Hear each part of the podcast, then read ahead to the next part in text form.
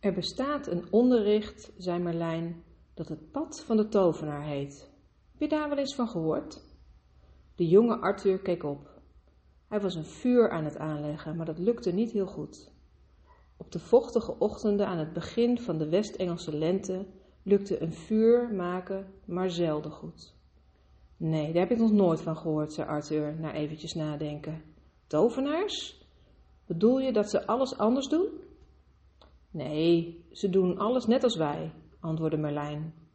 Uit ongeduld over het gehannes van de jongen met het vuur, stak hij met een knip van zijn vingers de stapel drijfnat aanmaakhout aan, die Arthur had verzameld. De vlammen laaiden meteen hoog op. Toen opende Marlijn zijn handen en haalde hij wat voedsel uit de dunne lucht. Twee rode aardappelen en een bos wilde paddenstoelen. Rijg ze op stokjes en rooster ze als je wilt, zei hij. Arthur knikte zakelijk. Hij was een jaar of tien. Marlijn was de enige die hij ooit had gekend. Ze waren al samen zo lang als hij zich herinneren kon. Hij had natuurlijk een moeder gehad, maar zijn geheugen bewaarde zelfs geen vage herinnering aan haar gezicht. De oude man met de golvende witte baard had zijn recht op de koninklijke boreling al een paar uur na de geboorte opgeëist. Ik ben de laatste hoeder van het pad van de tovenaar, zei Merlijn. En misschien ben jij wel de laatste die het leert. Arthur legde de stokjes op het vuur en keek achterom. Zijn belangstelling was gewekt. Merlijn een tovenaar? Dat was nooit bij hem opgekomen. Zij tweeën woonden alleen in de kristalgrot in het woud. De gloed van de grot gaf hun licht. Arthur had leren zwemmen door in een vis te veranderen. Als hij iets wilde eten, verscheen het gewoon of kreeg hij iets van Merlijn. Zo ging het toch bij iedereen.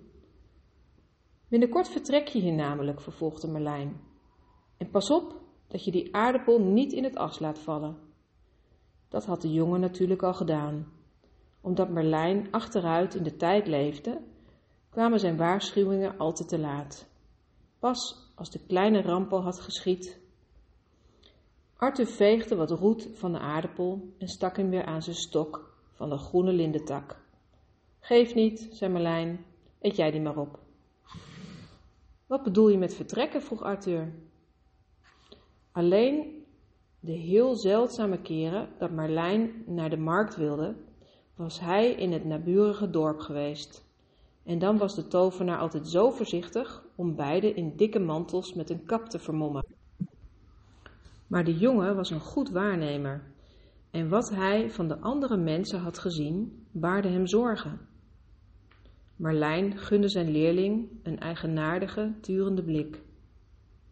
Ik stuur je naar het moeras, of zoals de stervelingen zeggen, naar de wereld. Al die jaren heb ik je buiten het moeras gehouden om je iets te leren wat je niet mag vergeten. Merlijn liet dat even goed tot hem doordringen en zei toen: Het pad van de tovenaar. Daarna zwegen ze allebei, zoals bij oude makkers heel vaak gebeurt. De oude man en de jongen ademden bijna dezelfde adem, en Merlijn had natuurlijk de rusteloosheid gevoeld die door Artus geest waarde als een panter in zijn kooi. Ze aten hun maaltijd en de jongen waste alles af in de hemelsblauwe vijver aan de voet van de helling onder de grot. Toen hij terugkwam, zat Marlijn op zijn favoriete rotsblok te zonnen. Dat zonnen was overigens maar betrekkelijk. De dikke wolken hadden net genoeg ruimte gemaakt om één zonnestraaltje tussen de boomkruin door te sturen en op het grijze haar van de tovenaar te laten vallen. Het eerste dat de jongen over zijn lippen kreeg was: Wat gebeurt er dan met jou? Met mij verbeeld je maar niks, ik red het zonder jou heel best, dank je, reageerde Merlijn kortaf. Al terwijl hij dat zei, wist hij dat het de jongen kwetste. Maar tovenaars hebben een hekel aan verontschuldigingen. Op de grond naast Arthur verscheen een mooie lange boog van wit essenhout. De jongen raapte hem gretig op en begon een pees op te leggen. Dit was hun privécode en Arthur wist dat de oude man zich op deze manier verontschuldigde. Ik maak me geen zorgen over mezelf, vervolgde Merlijn, maar over het verlies aan kennis. Zoals ik al zei, jij bent misschien de laatste die het pad van de tovenaar leert. Dan zal ik zorgen dat die kennis niet verloren gaat, beloofde Arthur. Merlijn knikte. De rest van die dag en nog vele dagen had hij niet meer over het pad van de tovenaar gesproken. Maar op een ochtend in juni werd Arthur wakker en bleek zijn bed van dennennaalden vol sneeuw te liggen.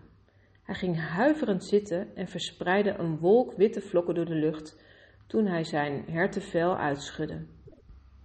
Ik dacht dat je dit alleen in december deed, zei hij, maar Merlijn antwoordde niet. Hij stond doodstil in het midden van de sneeuwcirkel die hun kamp bedekte en keek naar iets vreemds, een groot rotsblok waaruit een zwaard stak. Ondanks de kou bleef geen van de sneeuwvlokken op de steen liggen en de kling stak smetteloos omhoog. Vijf voet glanzend, gehamerd en gevlamd staal. Wat is dat? vroeg Arthur. De aanblik van de steen raakte hem diep, maar hij wist niet waarom. Niets, antwoordde Merlijn, onthoud het alleen. Na een paar tellen begon het zwaard in de steen te vervagen. En toen Arthur terugkwam van zijn ochtendelijke wasbeurt, was het weer warm in het bos. Alle sneeuw was in een zomerzon gesmolten en de steen was als een droom verdwenen. De jongen had zin om te huilen, want hij wist dat die verschijning Merlijns manier was om vaarwel te zeggen. Vaarwel en vergeet het niet. Wat er met Arthur gebeurde toen hij eenmaal in de wereld was, is tegenwoordig het onderwerp van de agenda. Uiteindelijk kwam hij op een besneeuwde kerstochtend buiten de kathedraal in Londen terecht, waar het zwaard in de steen op geheimzinnige wijze opnieuw was verschenen. Tot verbazing van de menigte die de kerk uitkwam, trok hij het zwaard eruit en eiste hij het koningschap op.